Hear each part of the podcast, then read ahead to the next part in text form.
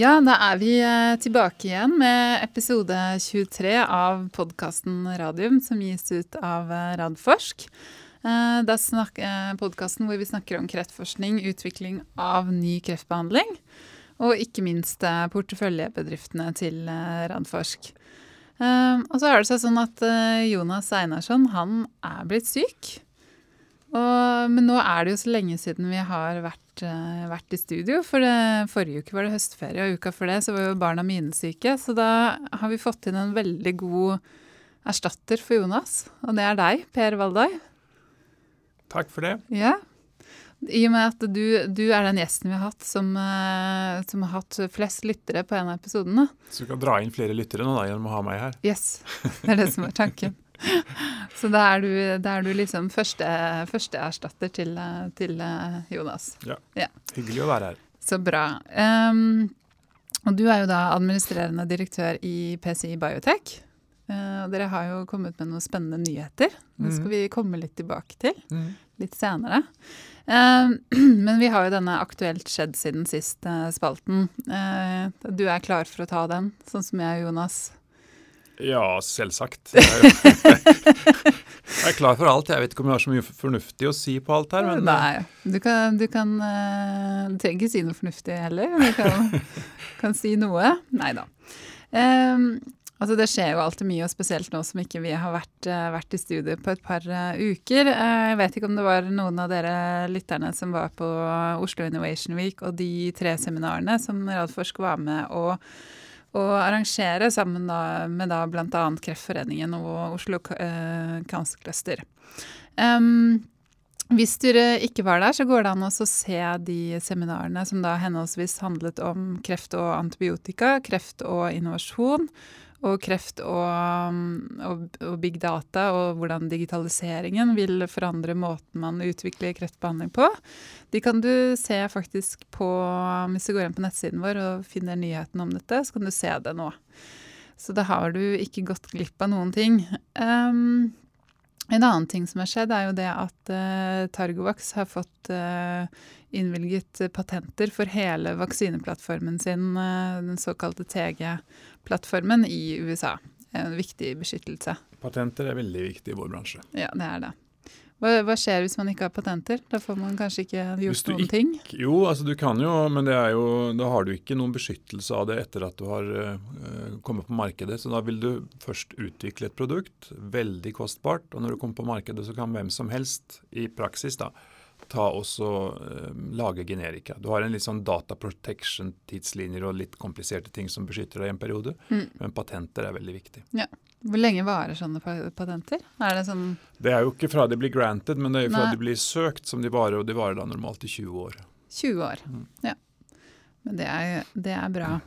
Uh, og den siste tingen jeg tenkte vi å nevne, det er jo den avtalen som eh, Kite Pharma har eh, inngått med professor Johanna Olveus ved eh, Institutt for kreftforskning.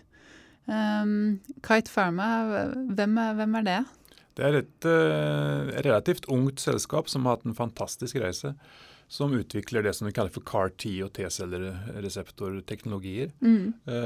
Og de ønsker vel Sånn som jeg forstår, Nå har ikke jeg satt meg veldig grundig inn i dette, her, men som, som, jeg har forstått det, så ønsker de vel å benytte den uh, kompetansen som besittes her av Johanna Olveus gruppe inn, innenfor det som gjelder neoantigen. Uh, altså å, å, finne hva som er de nye antigenene som uttrykkes av, av celler. Mm. Der ligger Johanna og hennes gruppe helt i fronten i, i verden. Mm.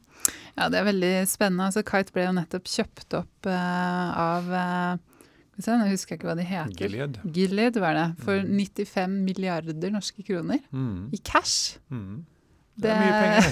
det er mye penger. Ja. Og det sier jo også da egentlig alt om uh, altså hvor Potensialet som ligger der. Ja, ikke sant. Mm. Og de, så vidt jeg har skjønt også, så kommer de vel til å få tilbakemelding fra de amerikanske legemiddelmyndighetene om et par måneder i forhold til um, godkjennelse for en uh, kreftimmunterapibehandling. Mm, har. Mm. Mm. Så, det, så, det, er en veldig spennende deal. Og, og det er ganske morsomt akkurat med den avtalen, fordi det er jo andre gangen på et halvt år at uh, Johanna Holve sin gruppe har uh, fått i gang en kommersiell avtale med et amerikansk uh, selskap. Mm, som sier Så, noe om uh, nivået på, den, på, det de driver med. Ja, virkelig. Og ikke bare de, men hele miljøet her. Hele miljøet, absolutt. Så, um, og Det som er viktig med sånne avtaler, er jo at det smitter, det smitter jo over. Ja, det ja. gjør det. Øker jo interessen mm. egentlig ja. for alle. Generelt interessen, og så skaper det nye nettverk ja. som også gir nye muligheter. Mm. Så det er veldig viktig. Men da må vi over på PCI Biotech. Ja. ja.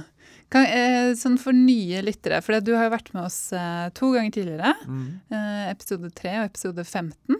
Ja. Eh, men det er ikke sikkert at alle på en måte hvis de hadde fått Trivial Pursuit-spørsmålet hva, hva, er PCI Biotech? Men da kan du Hva skal de svare da? Ja, ikke sant? Hva skal de svare da, Per? Ja. PCI Biotech er jo et, eh, et selskap som nå har eh, eksistert i siden vi, altså vi ble listet på Oslo Børs, eller i Oslo Aksess-listen som det heter, i, i, i 2008. Eh, og har utviklet en teknologi, og driver fremdeles å utvikle en teknologi, som er oppfunnet på Radiumhospitalet. Mm. Uh, og den teknologien, den, den uh, PCI-navnet står for teknologien, på en måte. Det er PCI-teknologien, som står for Photochemical Internalization. Eller fotokjemisk internalisering, som vi sier på, på norsk. Og Det vi gjør med den teknologien, er veldig enkelt å frigjøre ting som har blitt sittende fast i små kapsler inne i celler. Mm. Uh, og Da har vi en teknologi med lys som gjør at disse kapslene, som har fanget inn medisiner f.eks., og derfor ikke, som medisiner derfor ikke er aktive, uh, så kan vi med lys gjøre de lekk, rett og slett, sånn at uh, medisinene kommer ut i cellen og kan virke. Mm. Og Dette kan brukes innenfor mange forskjellige områder. Og Vi fokuserer det innenfor tre områder. Vi kaller dem for FIMA-KEM, FIMA-VAC og FIMA-NAC. Og disse de, små, søte navnene. ikke de letteste forkortelsene, det der. altså. Nei, men det har, det har jo sin forklaring. Ja. Uh, dette er en, en uh, fotosensitizer, et molekyl som er fotosensitivt, som alt bygger på. Mm. Og det molekylet har fått et inn-navn, uh, som det heter. Et navn som er et generisk navn, som blir bestemt av WHO. Mm. Og som heter, det heter da Fimaporfin, det mm. navnet. Så Fima er fordelen, fordelen av det navnet. Mm. Og så har vi da uh, fokusert tre forskjellige områder. Det er Fima Chem.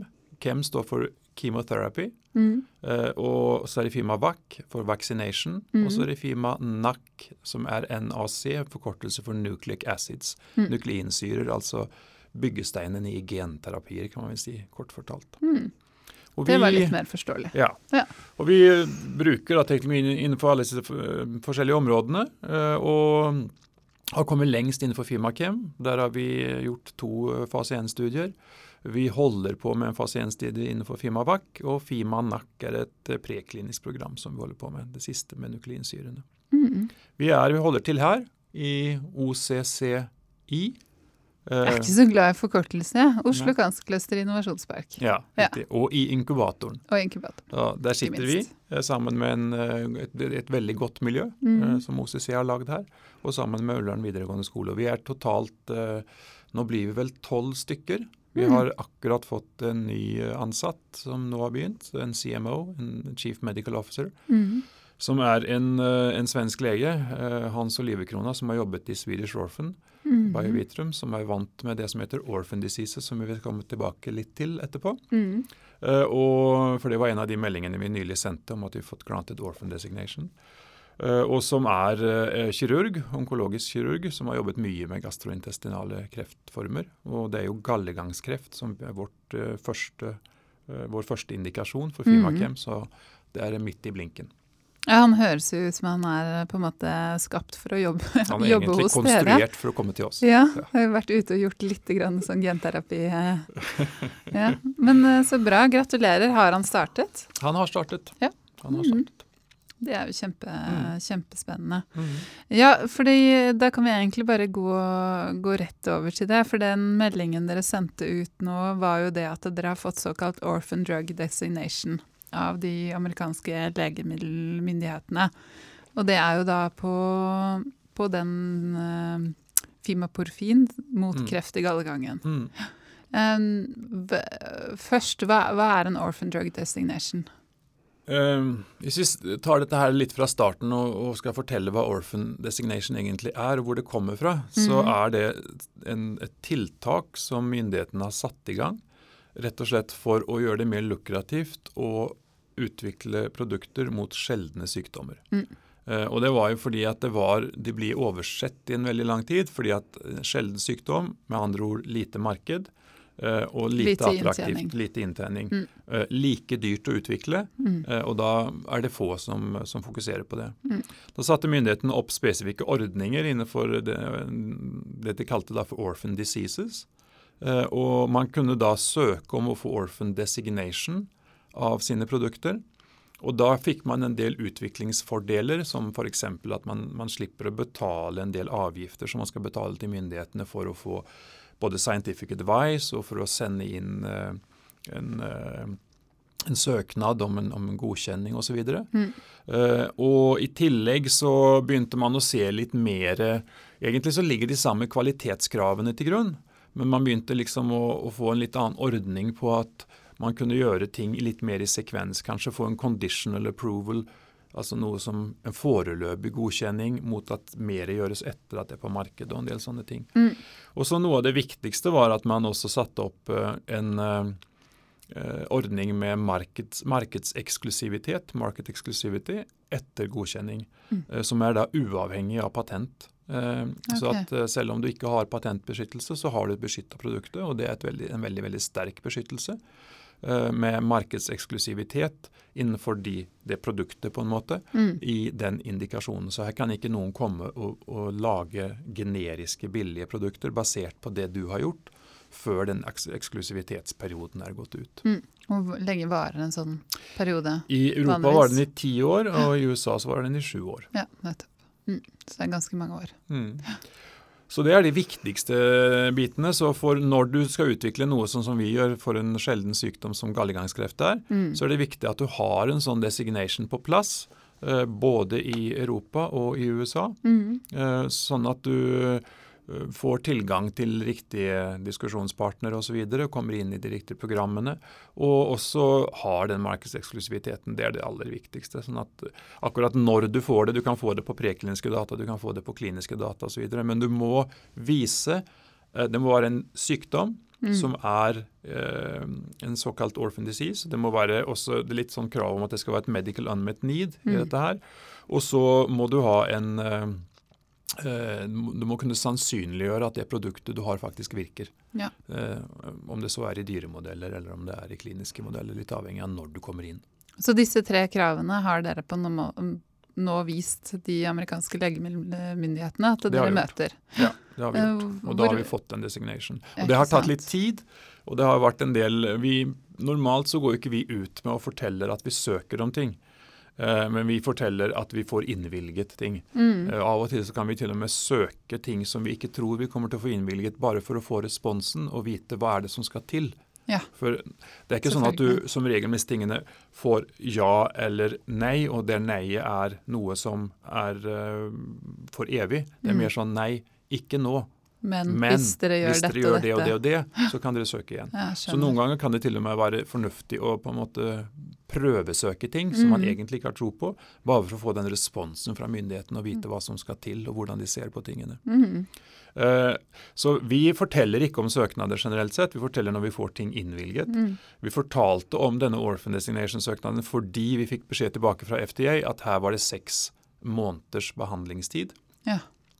Uh, og, og det, vi hadde på en måte signalisert til markedet at vi var i ferd med å vurderte orphan designation-søknader. For å slippe å få det spørsmålet hele tiden, mm. så fortalte vi at vi har søkt, men fått tilbakemelding at det er seks måneder. Mm.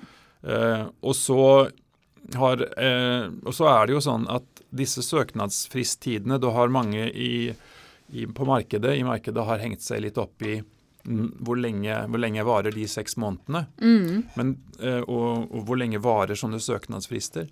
Men det myndighetene opererer med, det er til de kommer tilbake med et første svar til deg. Ja, og det første svaret trenger ikke å være en, eh, en, eh, en endelig ja eller nei i, i, denne fasen. Det kan også være at vi trenger å se litt mer på dette. Eh, vi trenger å få litt mer svar på disse spørsmålene. Mm. Eh, det er noe her som er uklart. Så, og da stopper klokken. ikke Mm. sant? Så du kan ikke bare se på disse tidene og så tro at nå skal det foreligge et svar. For det er ofte en sånn interaksjonsfase også Mm. i disse søknadene. Uh, og uh, og det, det, det skjer veldig ofte. og Derfor så, så har det vært, det har vært mye spørsmål fra forskjellige investorer om hvorfor kommer ikke den orphan designation. Men det er ikke uvanlig at det er en litt Nei, interaksjonsfase. det har vært fordi det har vært en prosess der. Det er en prosess som går frem til du får en beskjed. Ja. Men nå er den her. Nå er den der. Ja, Ja, da, så nå har vi orphan designation både i Europa og i USA. Ja. og det er veldig bra. Mm. Eh, men sånn da for de som ikke er så inne i dette, altså hva, hva betyr det for dere framover? Nei, Det betyr egentlig eh, først og fremst at vi har nå fått et godkjent stempel på en del ting som gjør at vi slipper å betale en del avgifter. Mm. Eh, Og vi har fått definert vår utviklingsprogram inn i et spesifikt løp, et såkalt orphan eh, development. Mm. Går det raskere enn vanlig? Normalt så går det raskere enn Mm. vanlige, men det er som sagt i utgangspunktet så skal man stille de samme kvalitetskravene Mm. til dette. Men det er en stor prosess i FDA, bl.a. akkurat nå, der man ser på i det hele tatt uh, hvilke krav som stilles og hvordan man skal agere. Ja. Trump har jo kommet ut med noen uh, ganske sterke uttalelser og har ansatt uh, Gottlieb, som er en litt sånn Det var vel en del organisasjoner som syntes det var en, en litt heftig ansettelse, tror jeg. Ok. Uh, men, uh, men Dette merket jeg ble veldig nysgjerrig på. Kanskje vi må komme tilbake til det. Ja, Nei, nei, jeg tror ikke det er noe tema at- for, for dette her, egentlig. Det er mer sånn de skulle reformere FDA, sånn Ja, at ting går fortere, så at Ja. ikke FDA blir en klamp. ikke sant? Mm. Og så at ikke det blir dyrere og dyrere og dyrere hele tiden å utvikle medisiner. nye medisiner. Ja, Fordi at man bare legger mer og mer og mer og mer krav på. Eh, og så I tillegg så skjer det jo noe i relasjon til tradisjonell utvikling av Mm. medisiner. Du får mer og mer personalisert medisin. Mm. Da har du ikke en slags ny, du har ikke en slags hyllevare som har alle standarder på plass, og så er det ferdig, og så kan det selges til alle pasienter. Mm. Da er det mer sånn at du, må, du har et system som du modifiserer hver gang du møter en ny pasient. Mm. Og det krever litt ny tankeganger også fra, fra myndighetene, Mm. selvsagt. Så det er nok mange ting som, eh, som man ønsker å ta tak i. Mm. Men eh, akkurat innenfor dette med gallegangskreft, eh, jeg kan først spørre hvor, hvor mange er det som får det, i og med at det er en sjelden sykdom? Det er sånn én til to per 100 000 Ja. som får det. Så det er, på tvers av Europa og USA er det ca. 15 000 personer som får det hvert år. Ja. Altså incidensen er på 15 000. Det er ca. 50 kanskje i Norge Mm. som får, eh, får denne sykdommen. Men disse har per nå ingen behandling som fungerer? De har per dag ingen godkjent behandling. Nei. Men det finnes da eh, studier som er gjort på disse pasientene som viser at en, en eh, kjemoterapibehandling med gemcitabin og cisplatin, mm. to cellegifter i kombinasjon, har en viss effekt. Eh, og det er det som har blitt standardbehandlingen. Ja, Og det er jo der deres Det er der vi, vi kan forsterke gemcitabin. Mm. Så det er der vi går inn og skal prøve å forsterke det. Mm. Og så er det da egentlig eh, litt forskjellige sykdommer. fordi at eh, du, kan ha, du kan få det inni leveren i gallegangene, eller du Mm. kan få det i overgangen fra leveren og ut til den store gallegangen, eller Mm. du kan få det ytterst i den store gallegangen. Mm. Du kan også få det for så vidt i galleblæren, som igjen blir en ny galleblærekreft. blir en ny type kreft, en annen type kreft også. Mm. Og så kan du få det akkurat i ampullene, som det heter, i utgangen til, til tarmen. Og alle disse har litt forskjellige eh, profiler når det gjelder hva slags eh, mutasjoner, som det heter, hva slags Mm. forandringer man ser på DNA i disse, i disse kreftcellene. Og de har forskjellige symptomer og litt forskjellige prognoser og utfall osv. Mm. Og det vi fokuserer på, det er jo de som ikke er inne i leveren. For vi kan ikke gå inn og lyse langt inn i leveren. Vi, må inn, vi går inn via et endoskop Mm. ned i, gjennom magen og inn i tarmen. Og så kan vi da gå opp i gallegangen opp til der den deler seg, begynner å dele seg til høyre og venstre, og så deler den seg og deler seg og deler seg som et tre innover. Mm. Og vi kan liksom gå et par stepp inn og lyse. Men da begynner kanalene å bli såpass smale, og da er det så langt inn at det er lenger inn enn det kan du ikke gå med, med vår teknologi. Nei. Nå er Flesteparten av disse pasientene, 60-70% av dem, er såkalte ekstrahepatiske, eller perihilare. da. Så sitter akkurat i den overgangen fra én stor gallegang. Mm. Den er ikke veldig stor, men én gallegang som, går, som, deler seg inn i de to eh, leverdelene. Mm. Så er det sånn at disse pasientene, det eneste kurative behandlingen i dag som finnes for dem, altså som de kan bli friske av, i anførselstegn, mm. det er kirurgi. Ja. Men det er svært få av dem, mindre enn en tredjedel, som kan uh, kirurgeres og opereres. Ja. Mm. Så det er et stort behov, medisinsk behov for bedre teknologier. Og de som er inoperable, de lever i snitt i ca. et år. Ja, så det er en veldig dødelig sykdom. Ja. Så da er det bra, bra dere gjør det dere gjør nå. Eh, og her har det jo vært gjennomført en fase én. Ja. Og så skal dere videre i en fase to. Mm. Og her vet jeg dere får mye spørsmål. Jeg tror ja. ikke du kan svare meg nå heller på når dere begynner fase to, men eh, kanskje du kan fortelle litt om, om uh, uh, hva som skjer rundt, for ja. dette er også en prosess. Ja, ja, det her er en prosess. Og her er det jo sånn at vi diskuterer med myndighetene. Det gjør vi via Scientific Advice, som det heter i Europa, og gjennom noe som heter End of Phase One-møte i, i, USA. Ja, for dere er i kontakt med begge legemiddelmyndighetene? Både Europa og USA, EMA ja. og FDA. ja. Mm. Og Det vi da diskuterer med de, er vi legger frem forslag på hva vi mener bør være tilstrekkelig for å få dette godkjent. Mm. Uh, gitt at det er en sjelden sykdom, det er ikke lett å rekruttere mange pasienter. Mm. Det er et stort medisinsk behov, det fins ingenting som er godkjent, og vi har veldig lovende tumorresponser. Mm. Alt dette tatt i betraktning, så mener vi at det bør være mulig å finne en vei som ikke skal være altfor lang og altfor tung for å kunne hjelpe disse pasientene. Mm. Og, og, ja, for dette er en såkalt uh, pivotal endelig studie. Dette er den liksom siste studien før markeds... Det er det vi ønsker å få til. At ja. vi får en fase to som er en pivotal studie, mm. og som da kan gi en godkjenning etterpå. Mm. Og Hvor stor den studien blir, hvordan den skal designes, og, og hvilke endepunkter, hva man måler osv., mm. det kommer ut av diskusjonen med, med myndighetene. Mm. Og Den diskusjonen har vi sagt at den skal vi bli ferdig med nå i 2017. Og når vi har fått tilbakemeldingen fra både de europeiske og amerikanske myndighetene, mm. så skal vi sette oss ned og se på hva er minste felles multiplum her. Hvordan kan vi konstruere én fase to-studie mm. som vil gi godkjenning i begge regioner. Uh, og når vi har fått en sånn uh, design på plass, så skal vi gå ut og fortelle markedet hva det er vi har tenkt å gjøre. Mm. Og da må vi også finne ut hvordan vi skal finansiere en sånn studie. Mm. Så da i løpet av 2017 så vil, vil det komme mer informasjon? Det vil komme mer informasjon i løpet ja. av 2017 på dette. Ja.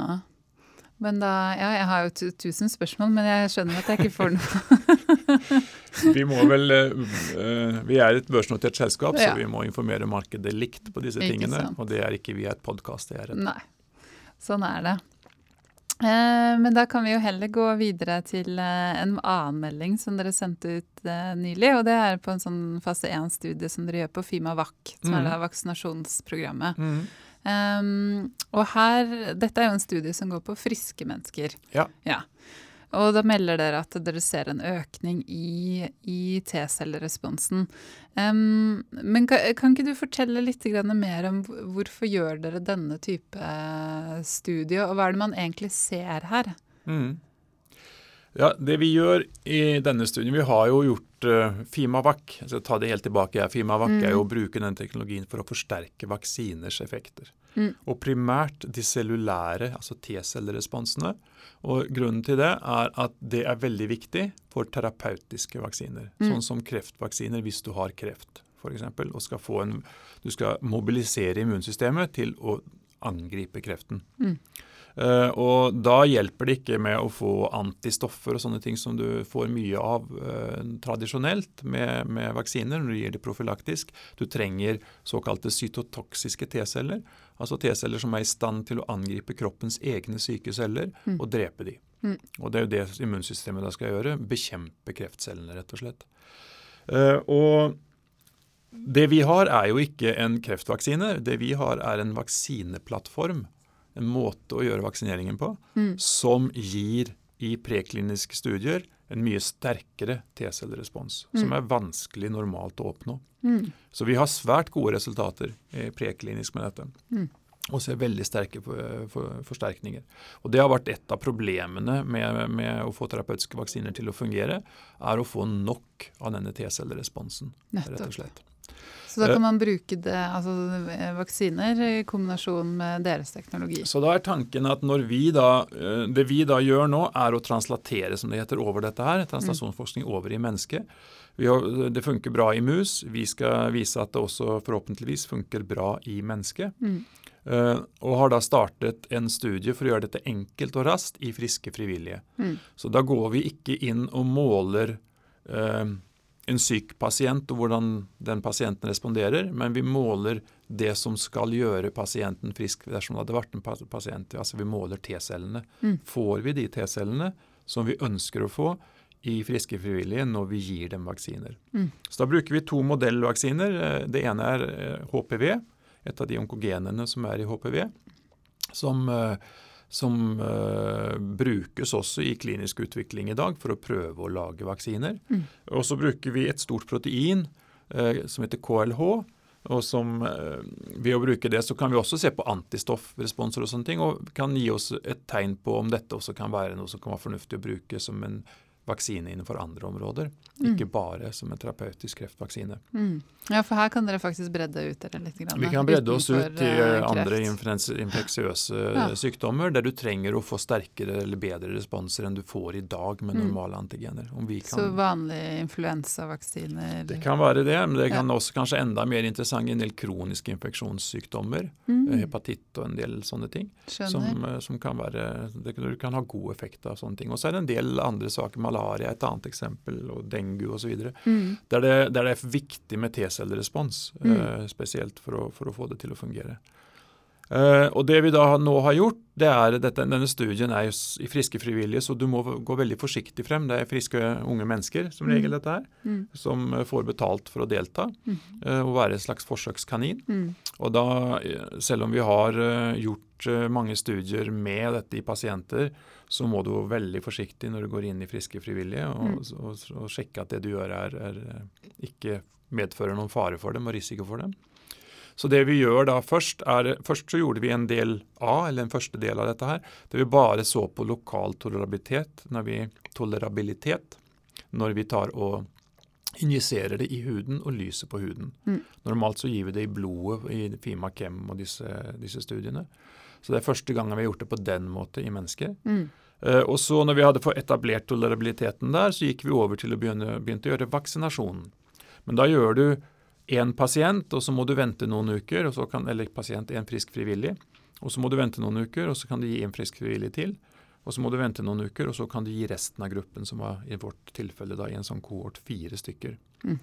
Og Så må du vente en god stund, og så må du ta en oppsummering av safety på det. Og så kan du justere dosen til en annen dose, og så prøve den. Uh, så, og Det vi skal gjøre her, er jo en slags dose finding-studie. Vi hopper fra dose til dose for å, for å, se hva som er tolereres. Og så måler vi også T-cellene i blodet etterpå for å se i, når får vi responser på T-celler. Mm. Og Det vi da mm, rapporterte nå nylig, var at vi har fått de første immunresultatene, altså T-celleresponsene, mm. og at eh, det ser ut til at vi har responser på T-celler. Altså at de øker når vi gir det her med Fimavac. Mm. Men da er vi fremdeles midt i dose-finding-biten. Så vi kommer ikke til å gå ut med, med mer resultater og mer konkrete data. Det ønsker vi også helst å gå ut med i internasjonale fora på, i, i vitenskapelige Eh, møter. møter. og sånne mm, ting. Altså. Nettopp. Eh, Men det ser ut som den translasjonen fra mus til menneske De første indikasjonene ser ut til at her er det også noe som, eh, som skjer i mennesket. Mm. Men hvor stor den, hvor sterk den blir osv., det er vi ikke ferdig med. Nei. Så en tredje bit av, av denne studien, og den går på å optimalisere ting videre. Når vi har funnet dose finding og vet at dette er riktig dose, da kan vi begynne å leke litt med lystider og sånne ting også. Mm. Uh, når lyser vi etter vi har hatt vaksinert, for å se om vi kan optimalisere det. Mm. Vi vet ganske mye om hva som fungerer best i mus, men det er relativt stor forskjell på ikke bare størrelse på mus og mennesker, men mange andre ting også rundt metabolsk fart og en del sånne saker. sånn ja. at er, uh, vi, vi, er nødt til å gjøre denne øvelsen også i, i i mennesker. Og Da er det best å bruke friske frivillige, for da, det, da, står folk i kø rett og slett for å være med, og så får de litt betalt for å delta. Mm. Men det må gjøres på en veldig trygg og sikker måte. Og det er det ja, som gjør det... at det tar, tar, en del tid likevel. Men kan man da si noe om uh, tiden framover på dette? Altså når dere vil komme med noe Ja, det kan vi si. Vi har sagt at uh, den siste delen av dette, altså optimaliseringsdelen, den skal være ferdig i løpet av første halvår 2018. Ja. Mm. Så bra. Mm. Du, vi, vi, prater oss bort. Du mente vi kom til at dette her kom til å gå så fort, men ja. det som alltid skjer Det var jo Jonas var jo ikke her, så tenkte jeg da blir det vel ikke så mye prat. Da. Nei, nei. Det som alltid skjer i dette studioet her, er at uh, tiden bare flyr. Det er så mye interessant å snakke om, vet du. Ja, det er det. Dette er jo kjempe, kjempespennende. Uh, vi har fått inn et spørsmål, men det tror jeg vi skal vente med til, uh, til Jonas er tilbake. Men vi setter veldig stor pris på å få spørsmål, så send de enten på sosiale medier eller bare på e-post til meg på eka.radfors.no. For det er supert å få litt sånn eh, direkte spørsmål fra dere som hører på. Um, og så tror jeg egentlig skal avslutte med å si at um, oktober det er jo rosa sløyfe-måned. Det er jo fokus på, på, brystkreft. Og jeg vet at Kreftforeningen de har uh, uh, Altså tema for deres rosa sløyfe i år det er jo da senvirkninger av, av kreftbehandling. For det er jo ikke sånn at hvis du er kreftfri nødvendigvis, så er liksom alt, alt fint og flott uh, igjen. Mm. Så det er også veldig viktig å, å, sette mer fokus på i forhold til videre forskning og sånt, for å mm. utvikle bedre behandling. Absolutt. Mm. Ja, Hvordan syns du det har vært å være Jonas sin stand-in og slash gjest? Jeg føler meg ikke helt som Jonas når jeg sitter her, men jeg gjorde så godt jeg kunne, da. Ja, jeg syns du gjorde en kjempefin jobb. Eh, veldig spennende oppdateringer på, på PCI Biotech. så for det Gå tilbake på kontoret til eh, kollegaene dine og fortsette gode jobben. Det skal vi gjøre. Ja, Takk skal du ha. Så gleder jeg meg til å ha deg som gjest her snart igjen. Kommer gjerne igjen. Ja, Flott. Takk skal du ha. Ha det bra. Ha det.